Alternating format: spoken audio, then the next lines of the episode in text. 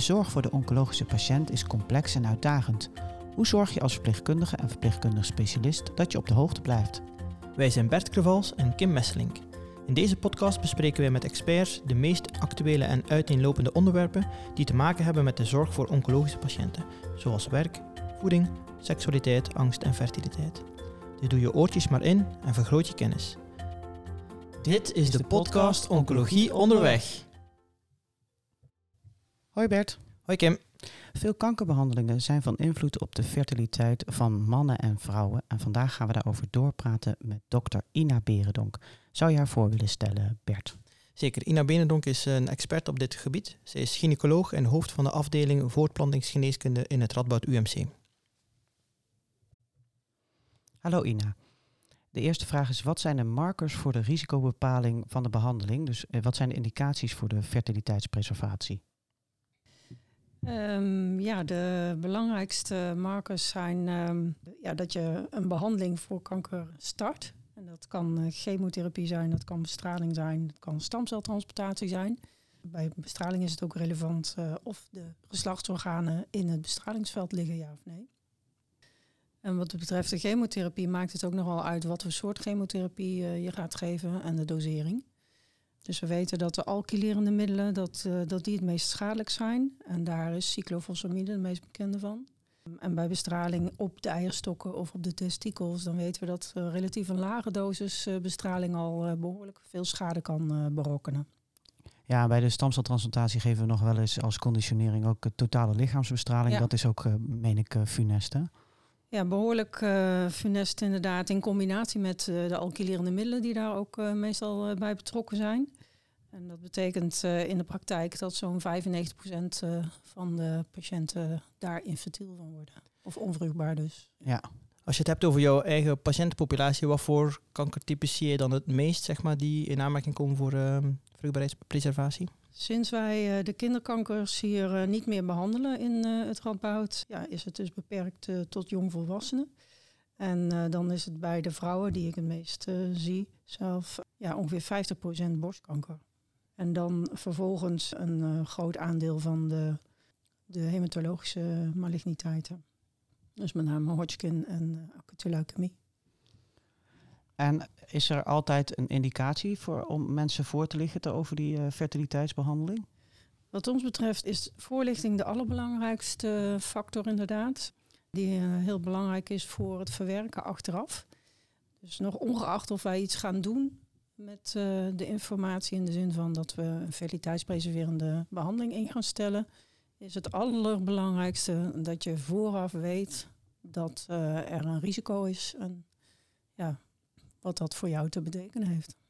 En ik heb volgens mij wel eens van mijn patiënten teruggehoord, jullie komen achteraf ook nog een keer in beeld. Sowieso zeggen we altijd op het moment dat we het, voortraject, om het dan zo maar te noemen, uh, afgerond hebben. Zo van, nou, mocht je nadien vragen of ja, onzekerheden hebben, dan ben je altijd opnieuw welkom. En bij voorkeur kunnen wij na een jaar ongeveer met redelijke zekerheid zeggen of de vruchtbaarheid behouden is gebleven, ja of nee. En dan gaat het er nog om voor hoe lang dan. Maar goed, dat, daar kunnen we vaak geen voorspelling van geven. Wel dat we kunnen zien hoeveel er ingeleverd is, om het zo maar te zeggen. Maar dat is dan op dat moment. En dat is een momentopname, die heeft geen voorspellende waarde over het algemeen. Oké. Okay. En er zijn er best wel veel ontwikkelingen op uh, het gebied van vruchtbaarheidsbehandelingen, vooral uh, bij vrouwen. Zou je daar iets meer over kunnen vertellen? Ja, wat betreft uh, vruchtbaarheids behandelingen die we bij vrouwen kunnen doen, dan is het het invriezen van eicellen, embryo's of eierstokweefsel. En bij borstkanker tegenwoordig ook het uh, toedienen van een GNRH-agonist tijdens de chemotherapie. En hoe werkt dat? Daarmee leg je de eierstokfunctie gewoon tijdelijk plat. Dat betekent uh, blijkbaar ook dat daar een beschermende werking van uitgaat. Dat is heel lang ter discussie geweest. Maar inmiddels zijn er toch voldoende onderzoeksresultaten van goed onderzoek wat laat zien dat het wel zinvol is. En dat is alleen bewezen voor borstkanker. Mogelijk dat het ook voor andere kankers uh, zo geldt, maar voor borstkanker zijn er voldoende gegevens om aan te nemen dat dat een positieve bijdrage levert. En dat daardoor de kans op uh, het behoud van vruchtbaarheid uh, verdubbelt nadien. En, ho- en hoe ziet dat eruit? Krijgen mensen dan injecties of pillen? Of, eh, Injecties. ja. injecties. En dat is dan zeven dagen achter elkaar? Of, of... Nee, die injectie dat is eh, eenzelfde soort injectie die ook gebruikt wordt voor prostaatkanker bijvoorbeeld. Dat zijn depot-injecties. Eh, die kun je als maanddepot of als driemaandsdepot eh toedienen. En die worden ook in het kader van borstkanker ook vaak gebruikt al in de behandeling. Alleen meestal pas nadien en nog niet vooraf aan de chemotherapie. En in dit geval is het advies om het vooraf aan de chemotherapie te starten. Zitten daar nog nadelen aan vast? Je krijgt er overgangsverschijnselen van. En ja, die krijg je vaak toch al tijdens chemotherapie. Maar dan worden ze wel meteen vanaf het begin af aan geïntroduceerd. Ja, en je kunt natuurlijk ook geen hormoonbehandeling op dat moment starten, eh, zo vroeg in de behandeling voor borstkanker.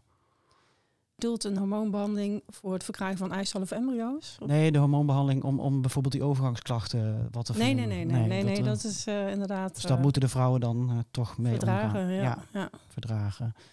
En je noemt ook het eierstokweefsel invriezen. Dat is iets wat ik uit mijn praktijk ken, eh, met name voor de patiënten met leukemie. Kun je uitleggen hoe dat eh, precies werkt? Ja, het, eh, het invriezen van eierstokweefsel, dat betekent dat we een eierstok verwijderen. Meestal is het één eierstok, zeker niet allebei. Of een deel van een eierstok. En daarvan wordt de kapsel ingevroren. Dus die wordt eh, eh, afgehaald nadat de eierstok verwijderd is. En die wordt in kleine stukjes ingevroren. En de bedoeling daarvan is dat het eh, als iemand hersteld is en zwanger wil worden... en inmiddels in de overgang is, dus dat die resterende eierstok niet meer werkt, dan kun je die stukjes eh, cortex of ja, eierstok eh, schors kun je dan ontdooien en terugplaatsen op de resterende eierstok of onder het buikvlies. Alleen bij leukemie zit daar meteen een probleem. In de zin van dat we weten dat er een groot risico is, relatief gezien, op eh leukemiecellen in die eh, schors. Dus ja, die wil je natuurlijk niet mee terugplaatsen. Eh, dus vandaar dat we dit eigenlijk alleen vanuit een experimentele setting doen in de hoop dat we in de toekomst technieken ontwikkelen waardoor we dat niet hoeven terug te plaatsen, maar in laboratoriumcondities kunnen opkweken. Zodat je het risico op herintroductie van de leukemie voorkomt. En dan moet ik me voorstellen dat, ze, dat je dan in een laboratorium de embryo's opkweekt en dan terugplaatst. Nou, met name dat je dus het eierstokweefsel activeert om eicellen te laten rijpen. Dat je die er dan uit kunt halen om ze vervolgens inderdaad tot een embryo eh, te laten ontwikkelen. Dus met het injecteren van zaad natuurlijk, Ja. eh, om dan tot een embryo te komen en dat alleen terug te plaatsen. Zodat je niet de leukemiecellen mee terugplaatst. En is er een manier om te controleren van tevoren of er überhaupt eh leukemiecellen in die cortex aanwezig zijn? Ja, eh, er zijn verschillende technieken inderdaad eh, om dat aan te tonen. Dat zijn dezelfde technieken die ook worden gebruikt in de pathologie om eh, de ziekte aan te tonen.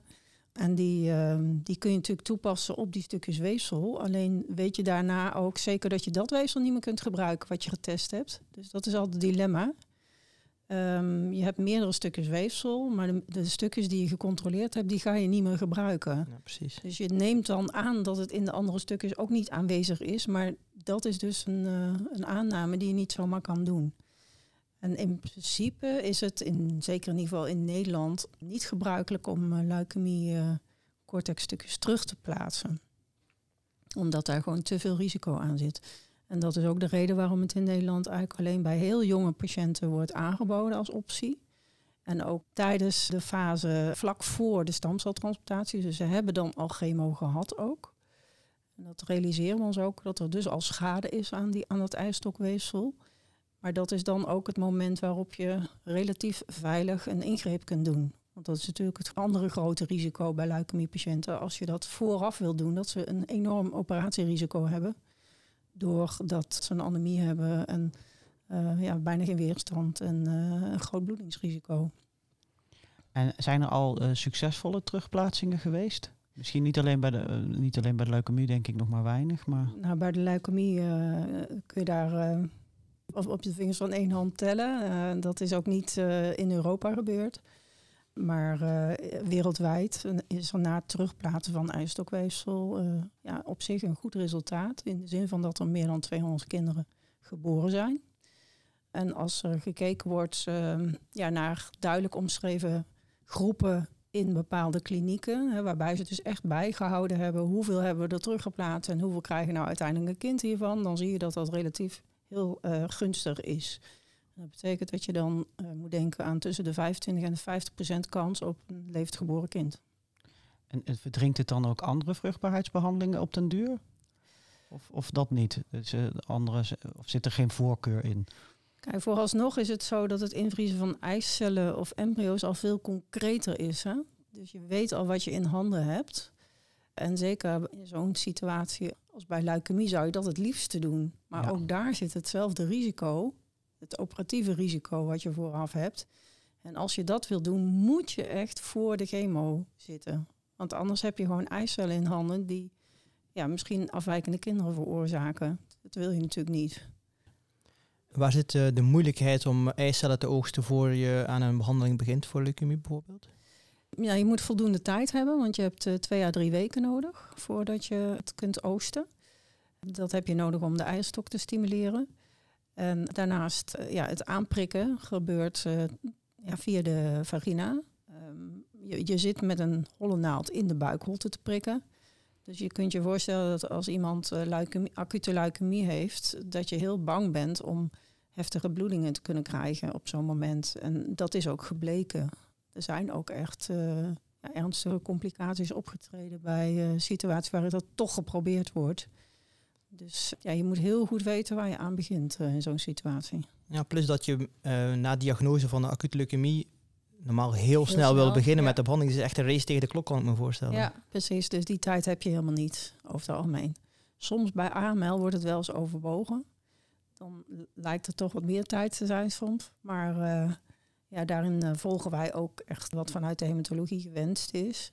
Maar aan de andere kant kijken we ook heel goed van ja, welke risico's gaan wij veroorzaken. En in overleg kom je dan tot een bepaald plan.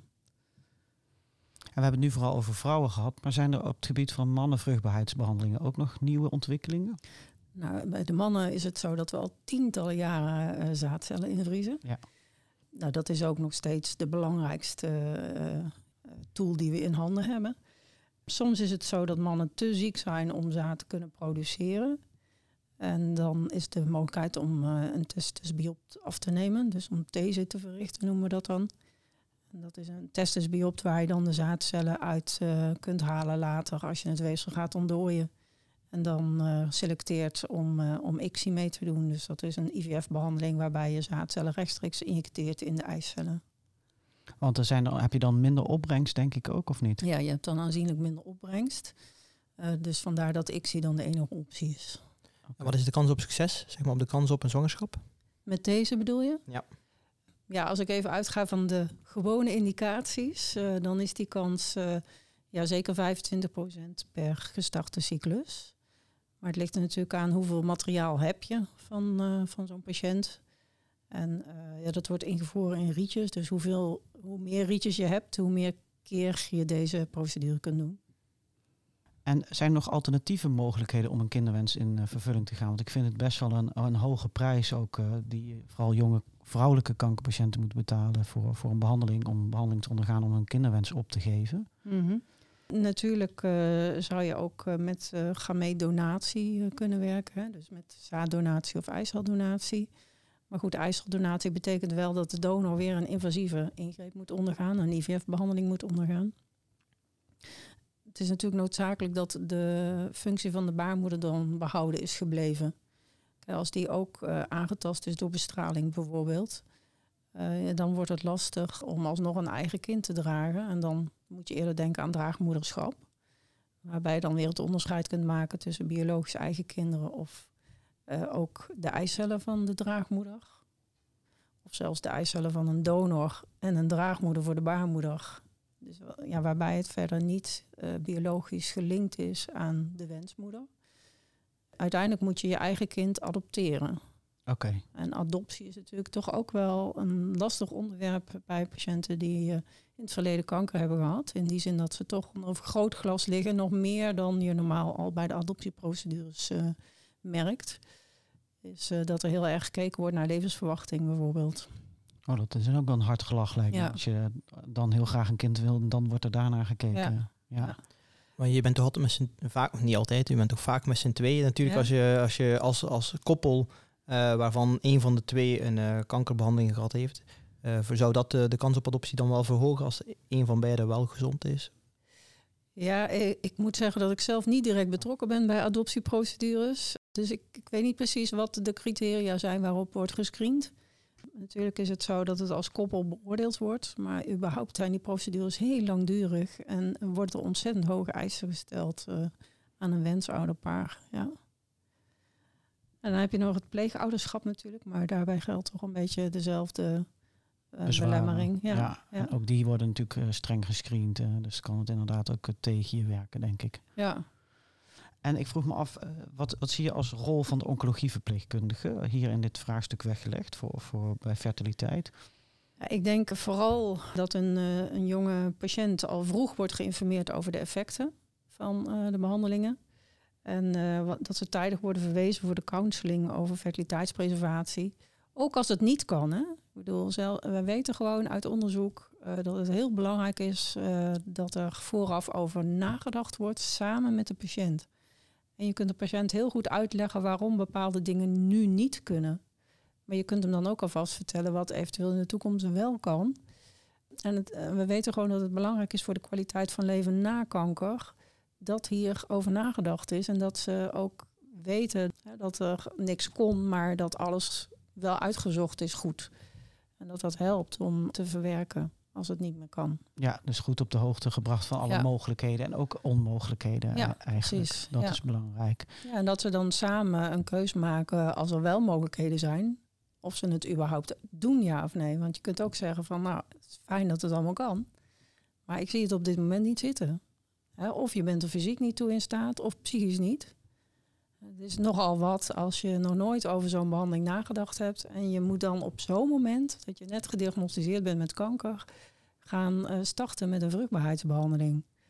Ja, ik, ik ken het inderdaad uit de praktijk. Het is echt een hele, hele heftige beslissing ook voor vrouwen en voor meisjes eigenlijk om, om dat op dat moment eh, meteen vast te leggen.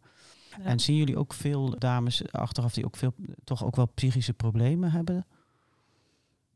Die zien wij natuurlijk minder. In die zin dat we ze dan niet terugzien over het algemeen. Wij hebben vooral een rol vlak voor dat ze met de kankerbehandeling gaan beginnen. En het is wel zo dat we dan, als ze inderdaad een jaar later terugkomen, eh, ja, dat we wel verschil merken in, in hoe mensen daarmee worstelen, ja of nee. Ja. Zie je nog een verschil tussen de volwassen patiënten en de eh, mensen die al eh, tijdens hun kinderjaren kanker hebben gekregen? Als het gaat om de patiënten die tijdens hun kinderjaren kanker hebben gekregen, eh, dan zijn de beslissingen vaak voor hun genomen natuurlijk. En er zijn ook minder opties eh, als kind. Wat we wel relatief ook veel eh, doen, is dat we die kinderkankeroverlevers, om het allemaal zo te noemen, die worden vervolgd via de laterpolies, dat we die terugzien tegen de tijd dat ze volwassen beginnen te worden. Dat je dan ja, kijkt van wat is de resterende vruchtbaarheid. Zijn er nu nog opties om iets te doen? Dus we zien relatief veel eh, meiden die rond de twintig zitten. hè, die weten dat ze vervroegd in de overgang kunnen komen. En die dan ja, komen om te overleggen van hoe sta ik ervoor? En kan ik bijvoorbeeld nu nog eicellen invriezen? En wat is dan vaak het antwoord? Meestal doen we dan nog eh, een poging, maar het ligt er ook heel erg aan ja, wat, wat voor mogelijkheden er nog zijn. En welke behandeling er gegeven is? Ja, zeker. Ja. En eh, deze vorm van eh, gespecialiseerde gynaecologie, is dat in elk groot ziekenhuis aanwezig of moeten patiënten wel verwezen worden naar bijvoorbeeld een academisch centrum? Nou, in de, in de vorm zoals ik hem nu net schets, is dat inderdaad beperkt tot de academische centra. Ja. In de periferie is het over het algemeen, eh, zeker als er een IVF-kliniek is, is het wel mogelijk om eicellen of embryo's in te vriezen. Maar als het gaat om eierstokweefsel, dan wordt dat echt alleen in de academische centra gedaan. En ja, ook de counseling rondom de late effecten bijvoorbeeld, dat is echt iets wat in de academie met name plaatsvindt. Ja, want je hebt het over counseling. En We hadden het al in het voorgesprek heel even over de keuzehulp. Daar heb jij eh, volgens mij ook aan meegeschreven. Ja. Eh, voor patiënten. Een heel mooi eh, middel, denk ik ook, om patiënten om, om zichzelf eigenlijk te informeren. Hè? Want ik, Ja. ik weet vaak, de patiënten, jullie komen en dan zitten jullie een half uur. En daarna zijn ze eigenlijk alles vergeten. Ja. ik wil je werk niet te niet doen hoor. Maar en ik merk vaak dat die keuzehulp kan dan toch weer net wat extra's bieden. Ja, we hebben aan de hand van de richtlijn, de multidisciplinaire richtlijn die we opgesteld hebben, hebben we 23 keuzehulpen ontwikkeld voor verschillende soorten kankers die dus bij jonge vrouwen met name voorkomen. Want het is een specifieke keuzehulp voor vrouwen en, uh, vanaf 18 jaar. En wat we echt merken in het, in het gesprek is als ze die keuzehulp van tevoren uitgereikt hebben gekregen. Uh, die keuzehulp die, uh, die informeert over de risico's, maar ook over de verschillende soorten behandelingen die bij een bepaalde soort kanker horen en wat daarbij het uh, bijbehorende risico is. En ook over de mogelijkheden of onmogelijkheden die daar dan bij horen wat betreft de fertiliteitspreservatie. Maar daarnaast wordt er ook aandacht besteed aan de persoonlijke afwegingen van de vrouw. Dus wat vindt zij belangrijk in het leven en hoe weegt ze dat? Uh, is er een partner in het spel, ja of nee? Uh, hoe groot is die kinderwens? Hebben ze al kinderen? Wat heeft ze over voor die kinderwens? Uh, wil ze haar kankerbehandeling daarvoor uitstellen of juist niet? of wil, gaat alle aandacht vooral naar die kinderwens? En dat wisselt enorm. Dus ja. en, en die afweging is ook heel belangrijk in de keuzes die ze daarna maken. En het is ontzettend fijn als ze daar van tevoren al over nagedacht hebben dat maakt het gesprek bij ons een enorm stuk eenvoudiger. Want het is ontzettend veel informatie, zoals je net zei, Ja. zelf al zei. En ook op een moment dat ze daar met hun hoofd helemaal niet bij zijn. Dus eh, dat maakt het gesprek soms te ingewikkeld voor patiënten. Dat krijgen we nog wel eens terug ook. Zeker als we ook het technische deel moeten gaan eh, uitleggen over hoe gaat zo'n IVF-behandeling nou in zijn werk. Als je dat allemaal op één dag moet doen, waar normaal gesproken weken overheen gaan, dan kun je je voorstellen dat dat uh, ja, niet goed blijft hangen. Ja, dus dat zou eigenlijk ook een goede rol zijn van de verpleegkundige om mensen te wijzen op die keuzehulp. Zeker, dat zou het allerliefst willen. Ik denk voor de implementatie is dat uh, een hele winst. Als die al uitgereikt wordt uh, bij de oncologische verpleegkundige. Absoluut. Oké, okay. we hebben een mooie missie. Okay, we zullen de link in de tekst onder deze podcast uh, plaatsen. Rest mij niks anders dan uh, je heel erg te bedanken, Ina, voor uh, dit uh, aangename gesprek. Oké, okay, graag gedaan. Heel erg bedankt. Dankjewel. Dank voor het luisteren naar onze podcast. Vond je deze podcast interessant? Luister dan ook de andere afleveringen en raad hem aan bij je collega's. Heb je zelf een goed idee voor een onderwerp? Of wil je dat we een keer bij jou langskomen? Neem dan contact op via de website www.servier.nl.